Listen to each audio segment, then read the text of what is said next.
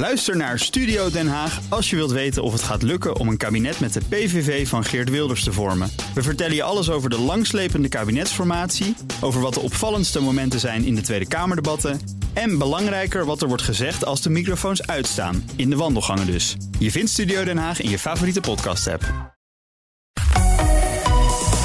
BNR Nieuwsradio. The Big Five. Diana Matroos. Welkom bij BNR's Big Five. Deze week kijk ik hoe de BV Nederland ervoor staat na dit heftige coronajaar. En we zijn er natuurlijk ook nog niet. Maar uh, ik kijk ook hoe we dit moment kunnen benutten om tot een 2.0 versie van die BV te komen. Want bedrijven kunnen niet meer alleen staan voor het eigen belang of dat van de aandeelhouders. Een toekomstbestendig bedrijf is er ook voor de samenleving. En wat ik graag wil weten in het komende uur is ook hoe ziet dat er concreet uit en hoe lastig is het om ook die omslag te maken. Daarvoor praat ik deze week met de top van Zakelijk Nederland. En vandaag staat de reissector centraal. Stefan van der Heijden, CEO van reisorganisatie Corendon, vandaag bij mij te gast. En ik weet eigenlijk niet of ik je moet uh, uh, feliciteren of niet. Nou, in ieder geval met je verjaardag, toch? Dankjewel, ja, klopt. ja. Maar hoe heb je zitten kijken naar de persconferentie uh, van gisteravond? Rutte, de jongen. Ik weet dus niet of felicitaties daar op zijn plaats zijn.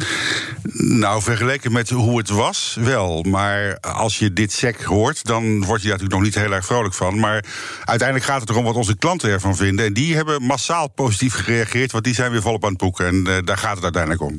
merk je dat dan meteen na zo'n persconferentie dat alle alarmbellen afgaan, dat iedereen nou, meteen gaat zitten boeken? Sterker nog, tijdens de persconferentie, we zagen hè, dus ongeveer tien voor half acht, eh, kwam het verlossende woord van uh, minister Hugo de Jonge dat, uh, dat, dat negatieve reisadvies voor de hele wereld eraf ging. En toen zag je het aantal mensen op de website enorm toenemen. En dat resulteerde ook in misschien wel, nou zeker de beste boekingsavond van dit jaar tot nu toe. En, en hoe groot is dan die toename ineens, als je dat ook vergelijkt met nou, de afgelopen periode? Qua bezoek denk ik ongeveer 50 keer zoveel bezoekers als normaal. Nou was het natuurlijk heel erg weinig de afgelopen periode. En uh, ja, vijf, zes keer zoveel boekingen als de afgelopen week. En vanochtend uh, gaat dat, ging dat vrolijk door. Dus ja, er is echt wel een soort bevrijding gekomen. Mensen durven echt weer te boeken.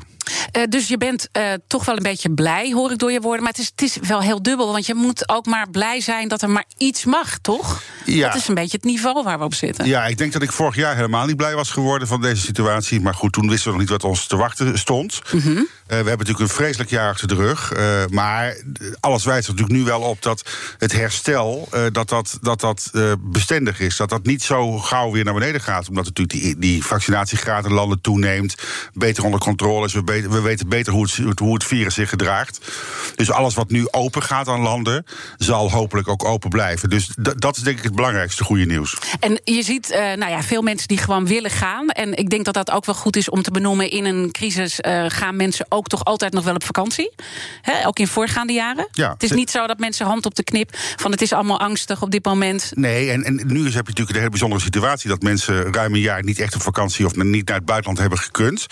En dat ze ook vaak nog heel veel geld hebben kunnen sparen. omdat ze geen leuke dingen konden doen, niet konden reizen, niet uit eten konden gaan. Dus er is ook heel veel geld. Uh, nou, dan zien we ook nog dat eind deze maand wordt vakantiegeld uitbetaald. De weersverwachting, ja, behalve vandaag ziet het er dan mooi uit. maar de weersverwachting is ook niet al te best. Nee, die regen dus, die helpt dan dus voor je. Het is een beetje een perfect storm, maar dan in positieve zin voor ons. Ja, uh, nou zijn, staan jullie bekend natuurlijk om de Turkije-reizen. Daar gaat dus de helft van jullie omzet uh, volgens mij. Daar zijn jullie echt bekend mee geworden. En daar zijn klanten ook heel erg trouw. Dat zit er natuurlijk nog niet in Turkije. Nee, nou, Turkije was gelukkig de afgelopen jaren qua aandeel iets minder belangrijk geworden. Maar okay. nog altijd wel zo'n 40 procent. Dus, dus inderdaad verreweg ons belangrijkste vakantieland. Dus ja, we hopen maar dat ook uh, Turkije in ieder geval het naseizoen weer open gaat. En voordien zullen we ons moeten behelpen met een aantal andere grote bestemmingen. En daar gaat wel wat, uh, wat beter druk ontstaan, zoals wij dat noemen. Ja, want dat wordt inderdaad mijn uh, volgende vraag. Hey, er is dus blijkbaar veel vraag nu op dit moment. Maar er is wat minder aanbod. En ook heel onduidelijk nog precies waar. Hè? Want 15 mei horen we echt pas uh, welke landen dan uh, iets meer ruimte gaan bieden. Wat doet dat met de prijs? Ja, er is wel duidelijkheid over welke landen op 15 mei uh, weer kunnen worden bereisd. Welke landen en eilanden. Maar dat zijn er inderdaad veel te weinig. Dat zijn Mallorca, Ibiza, een aantal Griekse eilanden. Hopelijk Portugal, als de Portugezen ons weer willen. Want dat is ook een probleem natuurlijk met het hoge aantal besmettingen in Nederland. En ja, dat zal in juni nog wel oké zijn qua prijzen. Want dan gaat natuurlijk niet, niet zo heel erg veel mensen gaan op vakantie. Maar voor de schoolvakantie maken we ons wel grote zorgen. En dat heeft niet alleen te maken met weinig bestemming. Maar het heeft vooral ook te maken met het feit dat bijvoorbeeld de Engelsen. die, eh, die veel sneller zijn gaan vaccineren. die zijn al volop aan het boeken sinds een aantal uh, weken, zelfs sinds ruim een maand. Ook de Duitsers die uh, hebben veel eerder uitzicht gekregen op een normale zomer. Dus een heel groot gedeelte van de interessante hotels zijn al voor, zijn al voor een groot deel weggeboekt, vol, volgeboekt. Ja, en wat betekent dat dan voor ons, voor Nederland? Nou, dat betekent dat onze inkopers ongelooflijk creatief moeten zijn. wij zijn eigenlijk al weken bezig om ons daarop voor te bereiden. Mm -hmm. dus we hebben wel de, de nodige capaciteit kunnen, kunnen vastleggen. Maar ja, het, het, allerbelangrijkste is dat er zo snel mogelijk meer bestemmingen opengaan, waardoor we aan die vraag kunnen voldoen. Maar we, we gaan de hoofdprijs toch betalen? Als ik dat even uh, bedoel, economie, vraag, aanbod, dat is toch een helder verhaal? Ja, nou, dat, dat, ik denk inderdaad dat de, dat de vakanties in het hoogseizoen, dus in de schoolvakantie, dat die duurder zullen zijn dan normaal. We hadden eigenlijk een beetje gehoopt dat dat minder zou zijn, omdat heel lang de brandstofprijs lager was. En die vliegtuigen die gebruiken toen nogal wat brandstof. Maar ook dat is voorbij, want die brandstofprijs is ook historisch hoog. Dus ja, ik ben bang dat de prijs in het hoogseizoen uh, dat die omhoog gaat. Ja, terwijl de, de baas van ANVR, uh, uh, Oostdam, die dacht dat het wel mee zou vallen. Dat dacht hij in eerste instantie, maar wij hebben hem als collega's in de branche kunnen overtuigen van het tegendeel. Ja, dat Even een tikje op de schouder. Goed. Uh, wat heeft jou nou het meest teleurgesteld? Of laat ik zeggen, wie heeft jou het meest teleurgesteld dit jaar en wie heeft je positief verrast? Um, ja, het is heel makkelijk om nu te zeggen het kabinet of, of, of Rutte of, of de jongen. Maar dat is natuurlijk wel een klein beetje zo. Ik vind dat Nederland, eh, in tegenstelling tot veel andere landen, heeft eigenlijk uh, de vrijheid om te reizen op de laagste prioriteitstreden gezet. De, wat je in Duitsland ziet, is dat daar reizen veel meer gezien wordt als een burgervrijheid die, die niet makkelijk mag worden ingeperkt. en Duitsers die hebben, wat ik net al zei, hebben veel eerder uitzicht gekregen op weer kunnen reizen. Ook vorige zomer al.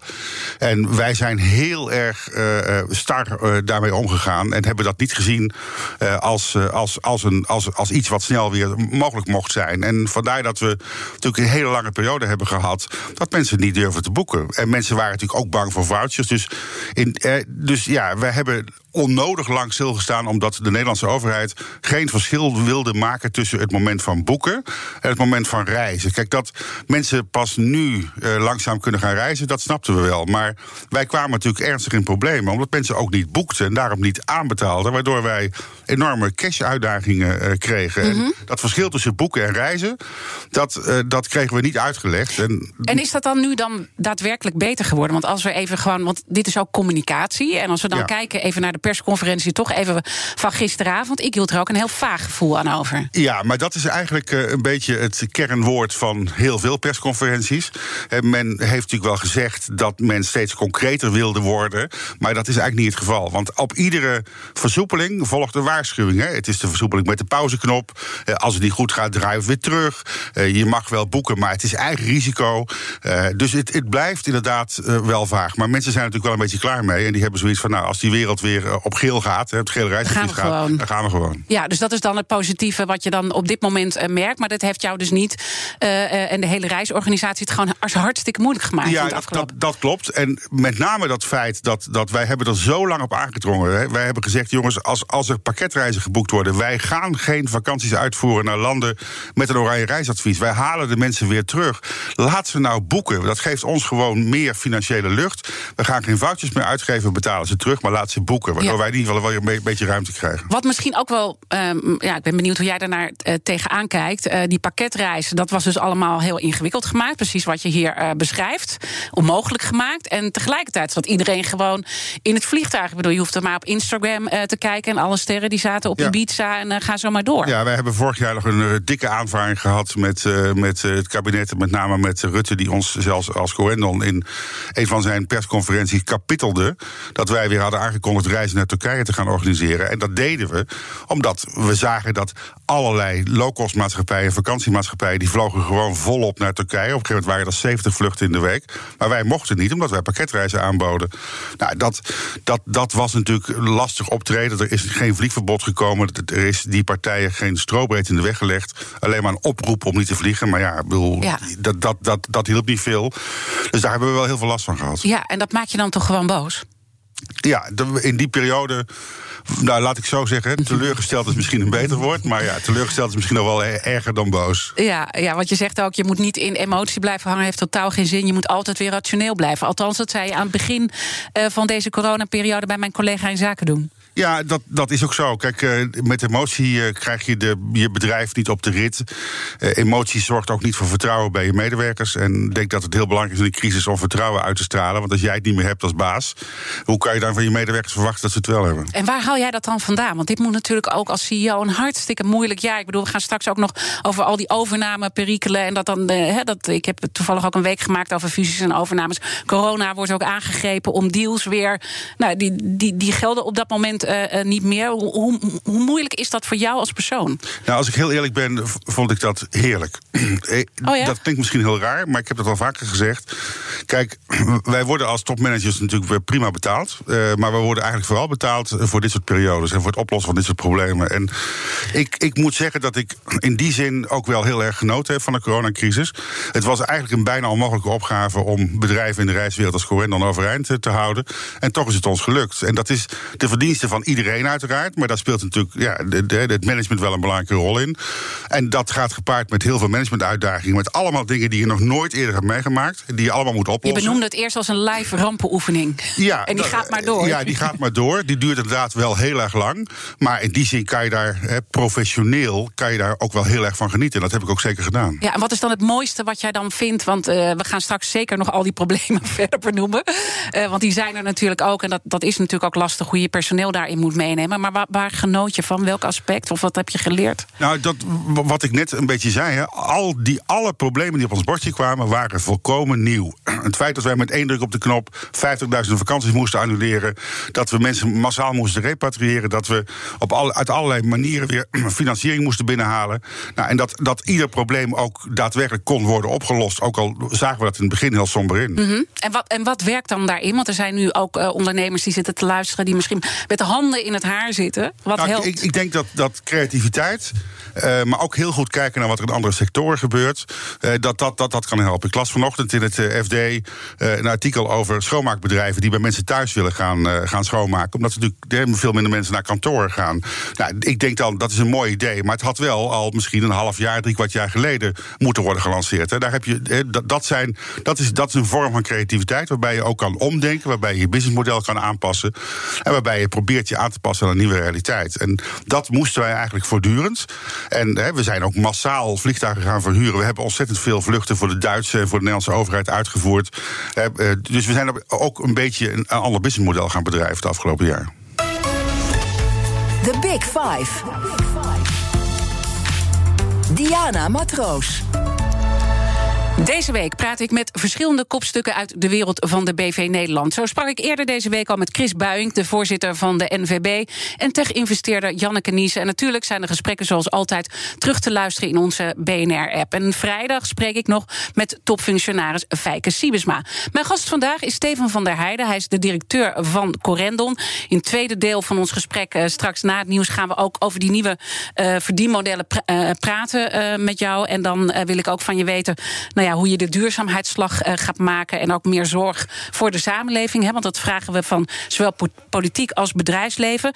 Maar nu even toch nog die, die crisis waar jullie nog uh, middenin zitten. Het zal een tijd nog duren. Ik bedoel, het is nu een beetje een opening. Maar het gaat een tijd duren voordat iedereen uh, hiervan hersteld is. Hoe heftig gaat de klap zijn voor de markt?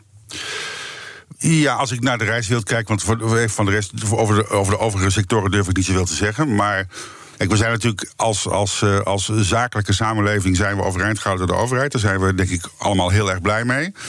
Maar nu komt de tijd dat we weer op eigen benen zullen moeten staan. En ik denk uh, dat, dat dat zal gepaard gaan met een stijgende werkloosheid. Als maatregelen worden afgebouwd, dan zie je natuurlijk toch dat bepaalde sectoren. Ik had net al over het schoonmaak, de schoonmaakbedrijven. Mm -hmm. ja, als mensen minder naar kantoor gaan komen, dan zullen mensen kleinere kantoren willen. Of he, dan zullen alle leveranciers die te maken hebben met, met uh, kantoor en kantoorinrichting zullen het uh, zwaar gaan krijgen. Dus uh, ik, ik denk dat de, dat de grote klap voor de economie nog moet komen.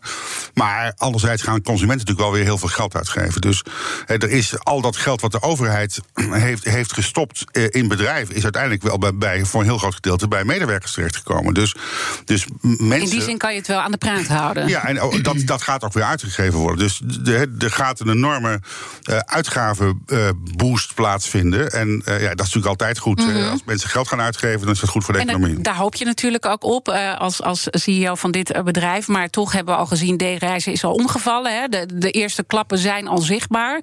Denk je dat er meer partijen gaan omvallen? Ja, maar dat heeft ook wel te maken met het businessmodel. kijk, retail is nou niet bepaald de sector waar je de hoogste verwachtingen van moet hebben. En zeker niet in de reiswereld. Reiswereld en internet zijn natuurlijk zo ongeveer voor elkaar gemaakt. Dus klassieke reisbureaus hebben natuurlijk niet heel veel toekomst. Dan moet je heel veel toegevoegde waarde hebben, specialismes hebben. Maar generieke reisbureaus, algemene reisbureaus, dat zat er sowieso al wel aan te komen. Dus dat, dat, dat, heeft, dat is niet een, een teken van. dat wordt hoogstens versneld door mm -hmm. corona, maar dat, is niet, dat wordt niet veroorzaakt door corona. Oké, okay, dus dat, dat, dat moeten we uh, los van elkaar zien. Maar verwacht je dat als gevolg van corona toch nog partijen in de reissector gaan omvallen dan? Nou, partijen die het heel erg zwaar hebben, zijn met name de aanbieders van verre vakanties. Want uh, we mogen nu langzaam in Europa weer een beetje gaan reizen. Maar verre bestemmingen, wat net over Turkije, maar ook heel veel verre bestemmingen, zijn voorlopig nog niet aan de orde. Dus uh, die gaan een tweede zomer tegemoet. En misschien wel een najaar en een winter. Waarin er weinig tot, niet, uh, tot helemaal niet gereisd ja. kan worden. Er komt natuurlijk een moment dat steunmaatregelen gaan ophouden. Uh, er komt ook een moment dat leningen terugbetaald moeten gaan worden. Sterker nog, volgens mij hebben jullie daar al een tijd gesprekken over. Ook met banken. Is de sector daar dan op voorbereid? Ja, dat moet. Hè. Kijk, als het, goed is, als, het, nou ja, als het goed is, verstrekken banken geen leningen. als ze er niet van overtuigd zijn dat er goede plannen zijn om die ook te kunnen terugbetalen. Alleen dan moet het wel mogelijk zijn om ook weer uh, zaken te doen. Om ook weer uh, geld binnen te gaan halen. En nou, dat, dat, dat kan bij ons alleen maar als mensen weer op vakantie mogen. En als dat gebeurt, dan zijn we inderdaad nog wel een aantal jaren bezig met het terugbetalen van die leningen. Maar dan hebben we daar ook wel volop de ruimte voor uh, in, in, onze exploitatie. Want in het begin van de coronatijd, toen meldde je hier ook op de zender van we waren een kerngezond bedrijf. En we zijn in één keer 100% van onze omzet kwijt. Ja, dan, dan ga je meteen in, kom je in de gigantische problemen. Hoe staat het bedrijf er nu voor? Ja, we hadden natuurlijk het geluk dat door heel snel optreden van de ANVR en het garantiefonds en ook de gedoogsteun vanuit de overheid en vanuit de ACM wij vouchers konden uitgeven. Dat was onze redding. Anders was de hele reiswereld binnen twee maanden omgevallen, omdat al die honderdduizenden boekingen die geannuleerd moesten worden, daar was gewoon geen geld voor in kast. Dat was al voor een heel groot gedeelte bij de hotels in het buitenland als vooruitbetalingen. Dus die vouchers hebben ons de eerste periode. Mm -hmm. op, maar ik ben ook aan het zoeken van wat, wat, wat hebben jullie nu nodig? Hè? Want ik bedoel, heel goed gaat het natuurlijk niet, toch? Nou ja, wat we, wat we nodig hebben is omzet. En wat we ja. nodig hebben is mensen weer op vakantie kunnen laten gaan. En uh, dat is de enige manier waarop wij ons weer uit de crisis uh, kunnen werken. We hebben, er moet gewoon weer geld verdiend worden. Ja, en dan, dan is het dus nog maar maar, maar, maar wat er nu gaat gebeuren. Wat gaat jullie nu concreet helpen in de komende weken? Wat, wat hebben jullie extra nodig? Nou, meer bestemmingen waarop we kunnen ja. gaan opereren. Ja. Uh, en meer hebben we niet nodig. Kijk, de, een tweede zomer zonder reizen, dat zou de reiswereld niet overleven. Dus we zijn dit jaar al heel blij als we het een beetje break-even weten te houden. Dat mm -hmm. komt volgend jaar alweer. Want die reislust van mensen is zo groot dat ik geen enkel twijfel heb over een heel snel herstel van vakantiereizen. Ik ben sceptischer als het gaat om zakenreizen, omdat natuurlijk digitale alternatieven momenteel veel beter beschikbaar zijn en mensen heel veel ervaring mee hebben opgedaan. Dus zakenreizen gaan niet zo makkelijk terugkomen, maar leisure, leisure travel, vakantiereizen, die zijn in no time weer op het oude niveau. Ja, en jullie zitten niet in de zakenreizen, toch? Dus daar, heb je, uh, daar heb je geen uh, zorgen over. Maar ik kan me wel voorstellen dat bepaalde dingen. Hè, we hebben natuurlijk gezien dat jullie zelf ook mee hebben gedaan aan dat testonderzoek. Uh, nou, daar is dan volgens heel veel kritiek op. Hoe, hoe, teleurstellend was dat trouwens? Dat jullie, hè, want die reis werd georganiseerd en uiteindelijk waren natuurlijk een 180 Nederlanders gingen er naartoe. Zes besmettingen uiteindelijk bij terugkomst. Dat is dan heel teleurstellend. Ja, je kan ook zeggen dat, dat, dat als er zoiets zich niet voordoet, dat je ook je protocollen niet kan testen. Hè. Dus eh, het gaat er natuurlijk met name om dat je besmettingen identificeert en dat je vervolgens die mensen eh, isoleert om te voorkomen dat er meer besmettingen ontstaan. Dat zijn protocollen. Als dat, we hebben natuurlijk in Nederland een, Koningsdag gezien, waarin gewoon volop gefeest werd en waarin nu blijkbaar in Amsterdam alleen al 17 grote uitbraken zijn geconstateerd. Wij hebben met die testreis laten zien dat als je test ook weer voordat er teruggevlogen wordt, dat je de positieve gevallen eruit haalt, kunt isoleren en kan voorkomen dat die zich verder verspreiden. Ja, maar kan je, kan je niet toch in die testen, want er is veel kritiek op die testen. Misschien vind je dat ook wel heel irritant dat nee, de kritiek nee, daar, nee. uh, daarop is. Maar uh, het ging met name om gedrag. En PCR-testen waren geen onderdeel uh, van het verhaal. Dus kunnen dingen verfijnd worden? Nee, PCR-testen waren wel degelijk onderdeel. Mensen moesten voor vertrek. Ja. En mensen moesten voordat ze terugvlogen. een, een gewoon een nette, prima PCR-test ondergaan. En dat heeft ervoor gezorgd dat we ook die positieve uh, gevallen eruit gehaald hebben en hebben kunnen mm -hmm. isoleren. Maar, maar, hoe kunnen we, want er is gewoon veel kritiek op, hè? Van het gaat alleen maar over gedrag en het is allemaal niet maar wetenschappelijk. En dat, dat, dus doe maar wat. Maar dat is ook, dat is ja. ook zo. Kijk, uiteindelijk gaat het erom dat het gaat niet om locatie, het gaat om gedrag. Ja, als je in Nederland misdraagt, loop je veel meer kans dat je besmet raakt dan als je in het buitenland gedraagt. Andersom ook. Ja. Dus of je nou op Gran Canaria zit of, of in Nederland, als je met, met een heutje mutje in het volle park bij elkaar zit, loop je veel meer kans op een besmetting dan als je dus, wat zeg je? We moeten, uh, uh, we moeten niet zo streng zijn, we moeten daarin wat meer gaan nee, laveren? Ik, ik, denk juist dat Nederlanders gedisciplineerder moeten zijn als het gaat om het naleven van de regels. En dat dan vervolgens niet zoveel uitmaakt waar men zit. Kijk, ik denk toch, hè, dat is een beetje, een beetje clichématig, maar waarom heeft Duitsland het beter onder controle? Waarom kan er in Duitsland meer? Ja, omdat de Duitser wat gedisciplineerder is in het naleven van de regels. Wij zijn wat dat betreft natuurlijk vrijbuiters. Ja. En wij maar dat hebben... gaat niet veranderen, toch? Nee, dat gaat niet veranderen. en dat betekent dus dat we in Nederland nog langer opgescheept zullen zitten met hoge besmettingscijfers en met, en met strengere maatregelen. Maar ja, als strenge maatregelen niet worden nageleefd, dan bestaan ze de facto ook niet. Nee, dat coronapaspoort en vaccinaties gaat natuurlijk wel helpen voor jullie. Ja, vaccineren is de enige manier om uit de crisis te komen. En iedere keer dat ik dat zeg, krijg ik weer allerlei hate mail van wappies of antivaxers in mijn, in mijn, in mijn LinkedIn-mail. Dat zal nu wel weer gebeuren. Maar vaccineren, vaccineren, vaccineren. Dat betekent dat we, dat we gewoon de zaak stoppen. Dat we weer volop kunnen reizen en dat de wereld weer open kan. Ja, uh, en, en tegelijkertijd, als je dus zegt wij zijn vrijheidsbuiters, hè, dat, dat is natuurlijk ook ons gedrag. Je kan zeggen wappies, maar dus, mensen vinden het allemaal toch ook wel een beetje moeilijk natuurlijk dat dit allemaal moet. Ja, maar. Gaan we als, in een testsamenleving met, met paspoorten? Ja, ja, ja, juist niet de testsamenleving. Kijk, ik denk dat als mensen duidelijkheid krijgen over. als jij niet laat vaccineren, dan betekent dat dat je je voortdurend zal moeten laten testen. En die zul je op een gegeven moment ook zelf moeten betalen. Moet je eens kijken hoeveel mensen zich uiteindelijk laten vaccineren die daar nu over twijfelen. Intussen uh, wordt het gewoon toch nog steeds moeilijk uh, voor de sector en ook voor jullie uh, bedrijf. En jullie zijn op zoek naar nieuwe verdienmodellen. Gaan we straks in het tweede deel over praten. Maar ik zag een heel interessant stuk in het FD en er kwamen een aantal dingen naar voren. En een belangrijk punt daarbij was: de reisbranche was altijd harmonieus, maar door de crisis staan veel bedrijven tegenover elkaar. Reisbemiddelaars verdenken de tour operators ervan dat zij hen in het ravijn willen duwen. Er wordt zelfs gesproken over een angstcultuur en dat er gevochten wordt om, uh, om het geld en, en uh, om dat allemaal te verdelen. Hoe kijk je daarnaar? je moet lachen. Ja, dat, ja, ik moet lachen. Nou, dat is natuurlijk. Dat is met name zijn dat uitingen van bedrijven die in heel ernstige problemen zaten. Dit, dit komt uh, bijvoorbeeld uit de mond van de mensen bij D-reizen, die natuurlijk vrij snel daarna ook omgevallen zijn. En ik denk dat je in je doodsstrijd ook wel dingen roept die misschien niet helemaal terecht zijn, zeker niet genuanceerd zijn. Maar dat, dat zo'n coronacrisis ervoor zorgt dat ja, dat, je, dat je kijkt naar de andere kant in je reissector. En dat je zegt, nou, die hebben het beter, want die mogen foutjes uitgeven en wij niet. Mm -hmm. Dat is niet onlogisch. Alleen ja, dingen komen je natuurlijk ook naar jullie toe. Hè? Ik bedoel, wat, wat ergens wegvalt, dat uh, ja, de een zijn dood is, de ander zijn brood. Ja, maar ik, er zijn ook heel erg veel reisbureaus die het wel overleefd hebben. Die, die hun balans beter voor elkaar hadden. Die voorzichtiger zijn geweest. Die er tijdig op hebben ingespeeld. Dus uh, ik vind uh, de, de, de, de kritiek vanuit de voormalige eigenaars van, van D-reizen daar, daarop absoluut niet, uh, niet terecht. Het zegt ook iets over jezelf, hoe je jezelf opnieuw uh, aan het uitvinden was, eigenlijk al voor corona. Kijk, als, je, als jij uh, je bedrijf op. als het jou overkomt dat je bedrijf failliet gaat, dan heb je het zelf ook niet, op, niet heel erg goed gedaan. Dan past het je volgens mij niet om ook heel veel kritiek te hebben op partijen die het, die het wel redden. Mijn gast in BNR's Big Five van de BV Nederland is de topman van de reisorganisatie Corendon, Stefan van der Heijden. En laten we straks dan verder praten over die nieuwe verdienmodellen. Want dat dat is de kern ook van jouw opmerking net. En hoe dat ook de duurzaamheid gaat helpen. Tot zo. BNR Nieuwsradio. The Big Five. Diana Matroos.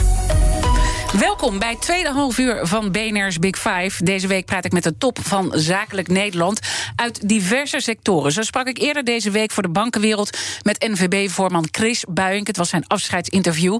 En met investeerder Janneke Niese over tech. En alles is natuurlijk in onze app terug te luisteren. Vandaag staat de reiswereld centraal. Mijn gast is Stefan van der Heijden. Hij is de CEO van reisorganisatie Corendon.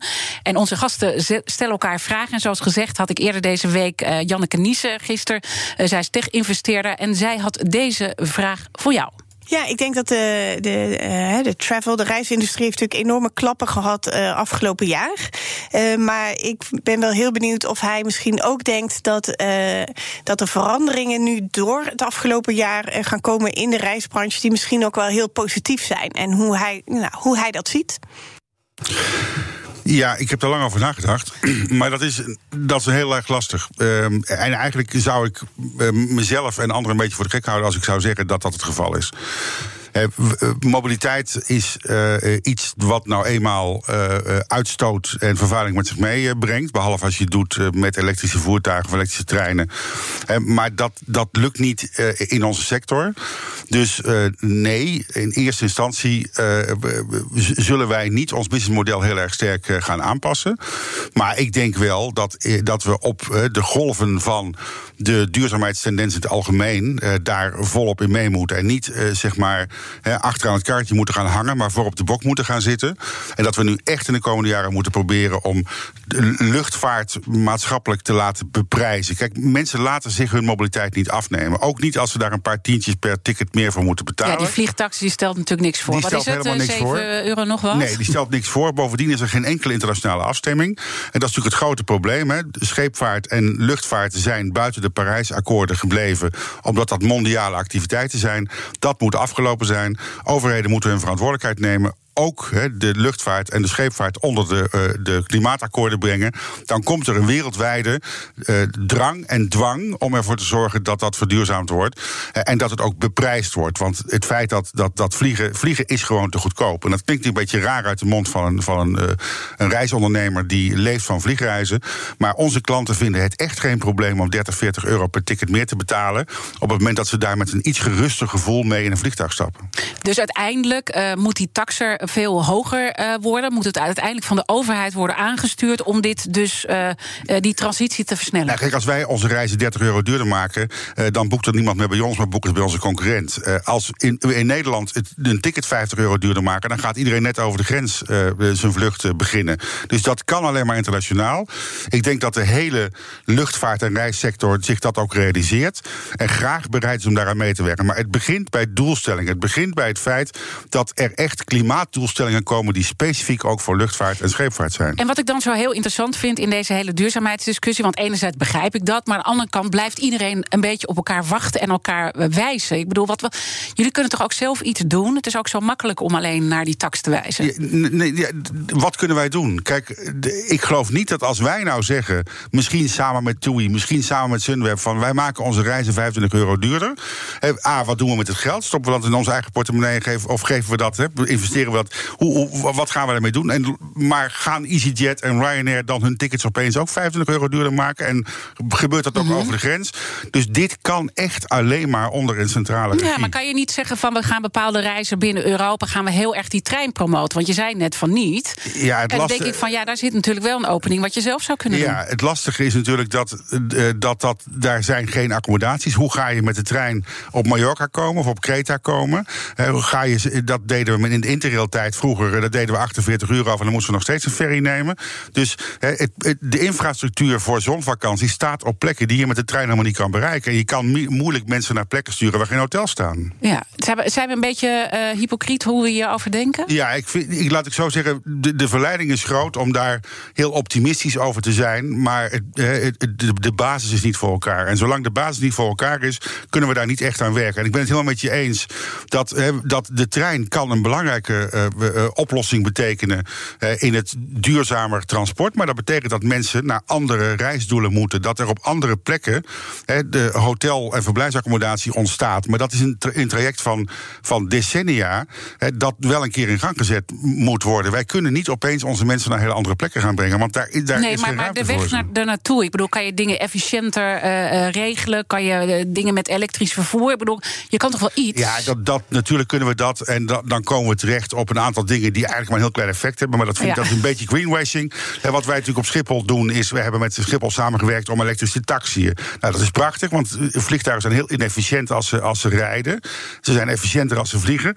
maar het zet natuurlijk weinig zoden aan de dijk. Ja, eh, dus eigenlijk zeg je, wij willen wel, maar we kunnen niet zoveel. Is, dat is, Nou, dat wij, is een wij nodigen, wij nodigen de overheid uit hè, om eh, met ons na te denken over welke maatregelen er genomen moeten worden en welke internationale initiatieven er genomen moeten worden om dat voor elkaar te krijgen. En, en ik, ik, ik vind ook dat, dat, dat, dat, dat wij overheden daarin moeten stimuleren. Dat is onze maatschappelijke rol. Mhm, maar op welk punt kunnen- stimuleer je ze dan? Ik bedoel, wat, wat, wat, want je wil meedenken, je wil ze stimuleren. Hoe dan? Stel, stel doelstellingen op het gebied van de uitstoot eh, van scheepvaart en luchtvaart. Eh, Die zijn, die zijn nu vrijgesteld. Die, die hebben geen klimaatdoelen. Eh, De auto- autofabrikanten betalen honderden miljoenen aan Tesla.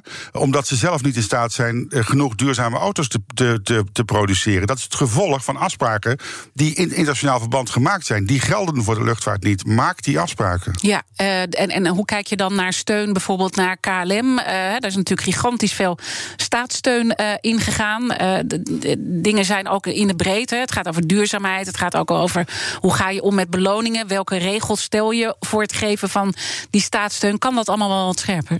Ja, dat, dat kan.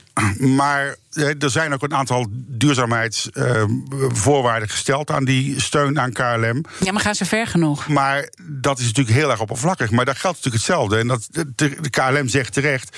Als wij meer concessie moeten doen, dan benadelen we onze concurrentiepositie. En als je nou één ding niet moet doen in een kwakkelende luchtvaartwereld, is het wel je concurrentiepositie ten opzichte van anderen verzwakken. Dus ook dat heeft zijn grenzen. En nogmaals, dat komt omdat wij geen internationale ambitie hebben op het gebied van duurzaamheid voor luchtvaart. Ja, dus dan, maar je blijft dus in die cirkelredenering uiteindelijk Ja, maar- zitten. ja. En er gebeurt dus helemaal niks. Nee, en dat is het trieste Nee, van dat, deze- is niet, dat, dat Oh. ben ik niet helemaal met je eens. Er, er gebeurt wel degelijk wat, want het begint met maatschappelijke druk. En die maatschappelijke druk die wordt langzamerhand wel heel erg groot. Dus overheden zullen langzamerhand moeten bewegen. Maar dan moeten wel, en gelukkig hebben we ook geen Trump meer in Amerika zitten. Zit er een president nu die. Dus ik denk dat we nu het momentum hebben om in de westerse wereld dat soort, dat soort doelen wel degelijk te gaan stellen. En daar, daar werken we van harte aan mee. En je denkt dus wel dat mensen bereid zijn, dat klanten bereid zijn om gewoon meer te betalen. Dat is het, dat is het probleem niet. Als je mensen 30 jaar geleden had gevraagd: ben je bereid om 4 gulden te betalen voor een liter benzine? Dan hadden ze gezegd: je bent gek, dan tegen die tijd gaan we lopen of gaan we met de fiets. Inmiddels is die benzine is 4 gulden, 2 euro per liter. Ja, dus de, de, de, druk is zo opgevoerd dat de maatschappij er wel aan toe is om die stappen te maken. Als mensen, mensen houden vast aan hun mobiliteit, vinden reizen een verworven recht, die vinden het echt geen probleem om daar een beetje meer geld voor te betalen. Is het nu ook zo dat, eh, want je proeft door de, in de hele samenleving, dit zou ook het moment zijn dat uiteindelijk alles kan gaan eh, draaien? Ja, je moet al lachen nu terwijl ik het zeg. Nou, op een aantal fronten wel. Namelijk op die fronten waarbij wij alternatieven hebben gevonden die heel erg werkbaar zijn. Hè. Ik- Dat, dat thuiswerken en dat internationaal vergaderen en die verbetering van de, van de, van de software op dat gebied, hè, met Zoom en met Teams en noem maar op, dat is fantastisch. Niet voor altijd, maar wel voor heel vaak. Dat gaat niet meer veranderen. De manier waarop we, waarop we eh, de, de combinatie thuiswerken en op de zaak werken, dat gaat ook duurzaam eh, eh, veranderen. Maar waar zit die lach dan in als ik dat zeg? Nou, dit is het momentum om te veranderen. Omdat dat, omdat dat niet generiek geldt. Dat geldt voor specifieke activiteiten, voor spe- specifieke sectoren. Maar wij, wij, wij kunnen niet digitale vakantie. Je kan wel, als je op zakenreis gaat, kan je dat wel vervangen door Mhm. steeds meer digitaal. Dus ik, ik, ik denk inderdaad dat grote Maar jullie kunnen luchtvaartmaatschappijen... wel bijvoorbeeld promoten. We gaan meer in eigen land op vakantie. Want Dat- jullie hadden ook dat, dat doen we stay- ook. dat- doen we ook. Ja, wat het heet, uh, stayvacation of zo? Ja, staycation. Ja. dat doen we ook. En ja, dat, maar je kan ook zeggen, we gaan dat groter maken. En alle eer, ik snap dat jullie natuurlijk weer willen dat, dat we Nee, naar nee, nee, Turkije maar dat, gaan. Mhm. nee, nee, dat doen we ook. En we hebben ook hotels. Nee, dat is niet waar, want we hebben ook hotels in Nederland. Ja. En we hebben ons grote hotel hotel bij Schiphol hebben we afgelopen zomer, en dat gaan we ook de komende zomer te doen, omgebouwd tot een all-inclusive hotel. Costa Hollanda, dat noemen we dat. Dus we, we, doen dat wel degelijk. We hebben ook maar de vraag is, hoe groot maak je het? Hè? Ik bedoel, nou, uiteindelijk nou, Heel groot, 700 kamers. Dus dat, Daar blijven jullie ook vasthouden? Nou, wij volgen de vraag. Het is, het is een utopie om te denken dat, dat bedrijven in staat zijn de, de vraag te bepalen. De consument vraagt en de bedrijven passen zich aan en leveren. Ja, dus je zegt ook, we moeten voor op de box zitten hè, tegelijkertijd. Hè? Dus je zei, aan één kant zeg je, joh, het moet vanuit de overheid komen. Aan de andere kant, wij moeten...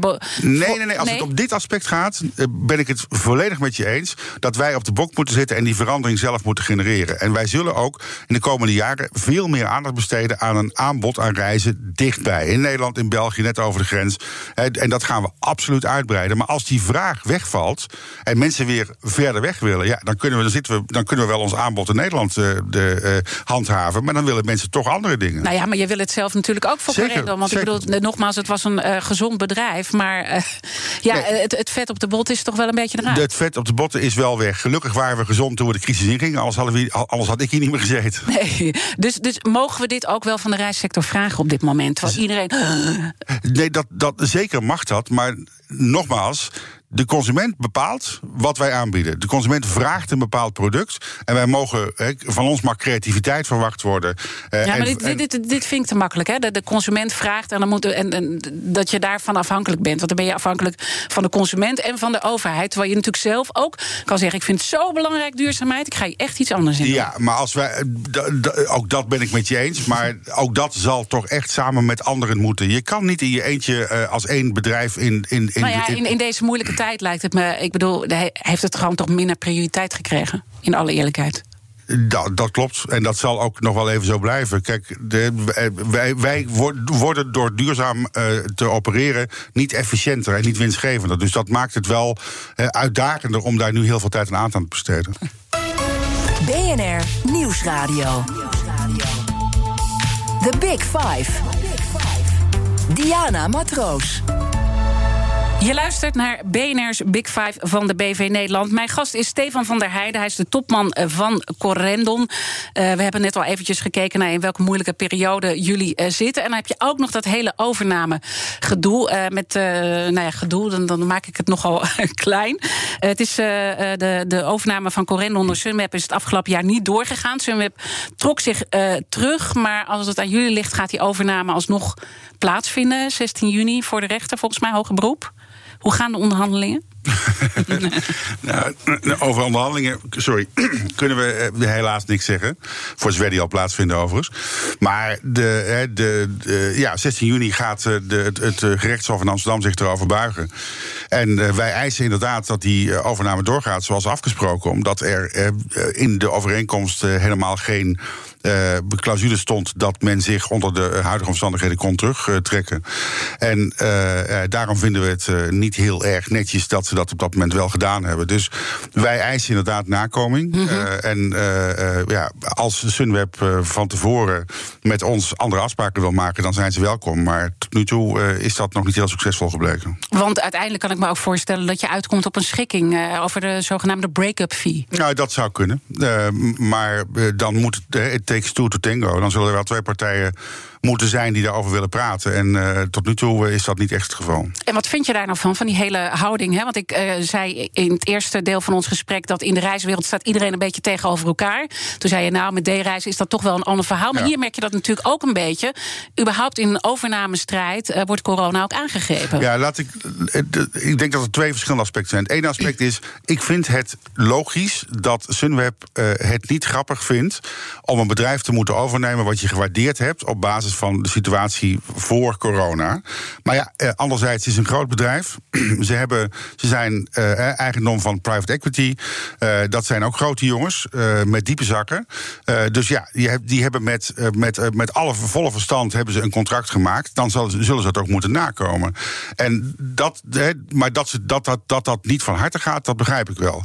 Wat ik lastig vind in deze is dat men het aan die kant ook nodig vond om allerlei persoonlijke verwijten te maken aan de aandeelhouders van Corendon. ik vind je kan een zakelijk conflict hebben, maar op het moment dat je gaat roepen dat wij alleen maar het belang hebben dat we als aandeelhouders van Corendon, die al miljonair zouden zijn, met, er met heel veel geld vandoor zouden willen gaan, dan wordt het persoonlijk. En daar, en daar heb ik wel mhm. veel problemen mee. En wat zegt dat jou dan over, over de reiswereld? Is er dan toch een sfeer van elkaar de tent uitvechten? Ik denk dat, dat in crisissituaties uh, is het lastig uh, om. Uh, dan is het allemaal niet zo harmonieus. Het is, als het allemaal goed gaat, is het, is het prachtig om elkaar op de schouder te slaan.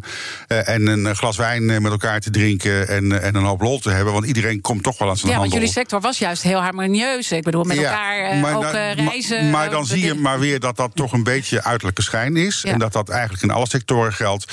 Als het echt zwaar wordt, gunt men elkaar niet zo heel erg veel meer. Dan ligt de irritatie en de boosheid ligt op de loer. En dan wordt het ook vrij snel persoonlijk. En dat is wel waar mij, daar, dat is waar bij mij de grens ligt. Want, want, maar jullie zijn wel bereid om tot een schikking uit te komen. Het hoeft niet goed, goed, goed uh, tot die overname te komen. Uh, alles is bespreekbaar alles is bespreekbaar. En hoe, hoe zorg je dan dat je binnen dit hele moeilijke gegeven daar beweging in krijgt? Als die sfeer zo verziekt is, want dat is eigenlijk wat je zegt. Uh, kijk, wij gaan ervan uit dat er een contract is wat moet worden nagekomen. Als de andere partij dat anders wil invullen, dan zijn ze welkom om erover te praten. Uh, en anders zal de rechter er uitspraak over moeten doen. Zo, zo, ligt het. Maar als je in een sfeer hebt van uh, tegenover elkaar staan en dat het allemaal heel persoonlijk wordt, moet je dan um, wijzen naar die ander van jij moet over de brug komen? Of kan je ook zelf wat daarin wat doen dan? Ja, het is natuurlijk wel zo dat op het moment dat, in zo'n situatie de eerste die met de ogen knippert, is natuurlijk de pineut. Hè? Dus je, je moet wel een klein beetje, het is ook een spel. Ja. maar het, het is, kijk, er zal wat moeten gebeuren, maar de druk wordt natuurlijk steeds groter naarmate de, de, de zittingsdatum nadert. En, en de rechter zich erover gaat uitspreken. Want de rechter zal, zal toch een zwart-wit uitspraak moeten doen. Kijk, de, de, de, de rechter in eerste aanleg, die kon nog uh, de zaak een beetje doorschuiven en zeggen van, en in feite zeggen, laat het gerechtshof het maar. Uh, het maar bepalen. Maar het rechtshof zelf zal een zwart-wit uitspraak doen. En hoe schat je je kansen in? Nou, uiteraard heel erg hoog. Ja, ja dat moet je wel zeggen, dat snap ik ook maar wel. dat vinden we ook echt. Goed, we gaan eh, afwachten hoe die uh, zaak verder gaat. Uh, de gasten stellen elkaar een vraag. Je hebt natuurlijk net al eentje beantwoord via de kettingvraag. Je mag een vraag stellen aan mijn volgende gast. Morgen heb ik geen uitzending uh, vanwege de feestdagen. Maar vrijdag spreek ik Fijke Siebesma, topfunctionaris... en natuurlijk voormalig topman van DSM, coronagezant. Wat zou je hem willen vragen? Nou, heel interessante man. Ik heb hem best wel gevolgd in de afgelopen jaren. Um, um, en mijn vraag gaat eigenlijk over leiderschap. Ik zou, ik zou hem trouwens heel graag willen vragen hoe hij dat coronagezantschap heeft ervaren. Maar dat gaan we ongetwijfeld gaan we daar morgen alles over horen. Of vrijdag alles over horen. Maar uh, over leiderschap. Kijk, mijn ervaring onderscheiden uh, hele goede managers en minder goede managers zich uh, in hun vermogen om organisaties te veranderen. En organisaties kunnen alleen maar veranderen als de mensen in die organisatie die verandering steunen. En daarbij speelt leiderschap een belangrijke rol. En wat ik van hem zou willen weten is wat zijn nou de eigenschappen uh, die een goede leider uh, onderscheiden van een gemiddelde manager? Met andere woorden, welke eigenschappen heb je als leider nodig om jouw organisatie uh, en de mensen in jouw organisatie succesvol te kunnen laten veranderen? En die vraag uh, ga ik hem zeker uh, stellen. Een hele boeiende uh, vraag ook. Maar wil je dat dan ook weten, omdat je zelf ook soms zoekende bent als leider in deze hele nieuwe tijd met die duurzaamheidsslag die je moet maken, crisistijd, alles bij elkaar? Ja, dat klopt. Kijk, iedereen heeft natuurlijk zijn eigen. Ik ben niet heel erg van de managementliteratuur. Ik, ik, ik ga meer uit van mijn eigen gut feeling. Maar dat is wel iets wat je in een toch redelijk lange loopbaan als, als leider, als manager bent tegengekomen.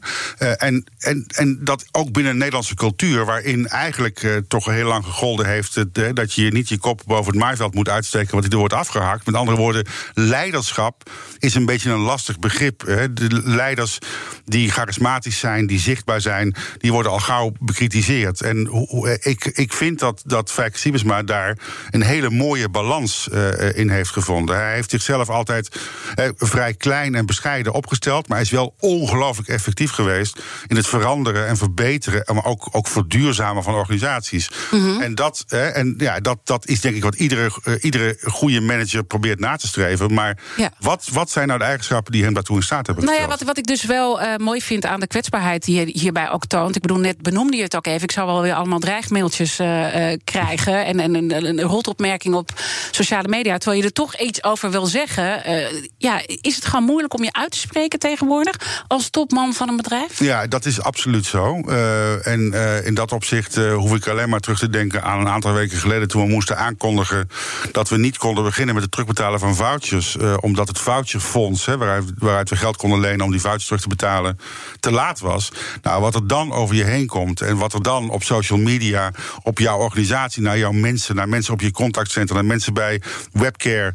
Dat is echt onvoorstelbaar. Dat zijn echt eh, dreigementen. Dat zijn echt, dat zijn echt ja, onverholen bedreigingen. En dat, dat, dat, dat is wel een heel, heel slecht aspect van deze tijd. Wat doet dat met je? Ja, dat raakt. Kijk, eh, ik wil, mij, ik wil dat wij ons als bedrijf kwetsbaar opstellen. Ik wil dat we verantwoording afleggen. Ik wil dat we integer en transparant mhm. zijn. Dat, dat, dat zijn echt waarden die ik heel belangrijk vind. Maar als dat op die manier beantwoord wordt. Kijk, ik, ik snap ook wel dat mensen die al een jaar op hun geld gewacht hebben, dat die eindelijk hun geld terug willen. Dat wilde ik inderdaad ook aan maar dat kan, maar dat dat kan ook op een beetje een beleefde manier. En, dat, en, en die beleefdheid was uh, heel, heel erg zoek. En dit zie je natuurlijk overal uh, gebeuren in de politiek. We, we, hebben gewoon ook een kloof in, in onze samenleving. Hoe moeten we dat? ja, ik zit naar die minuten te kijken. Dit wordt heel lastig. want diversiteit hebben we niet eens meer kunnen benoemen. Wat binnen jullie organisatie trouwens wel goed geregeld is, heb ik begrepen. Maar hoe kan je die, die, die, die, die, dat heftige uitspreken naar elkaar? Want kritiek mag, maar het gaat om de manier waarop en dreigementen uh, gaan te ver. Hoe komen we daar nou verder in?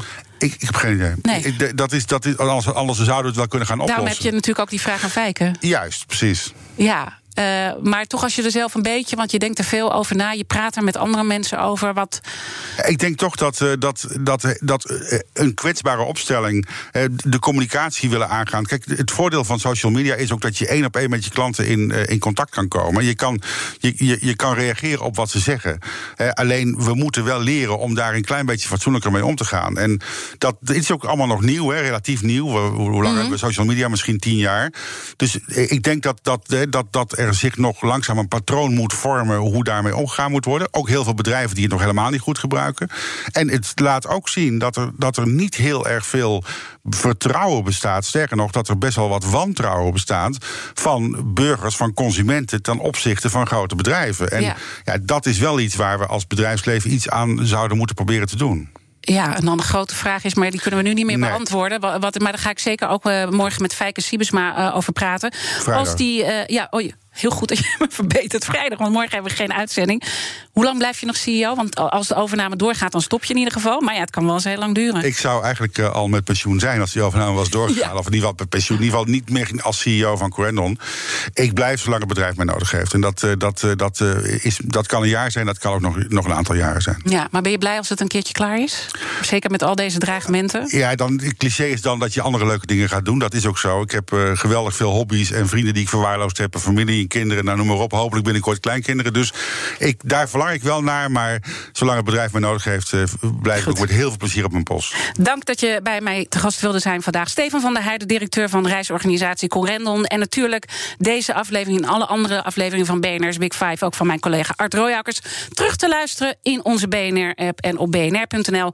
Maar blijf vooral luisteren naar BNR. Iemand Verrip straks met BNR breekt. Ik wens jullie een zonnige dag.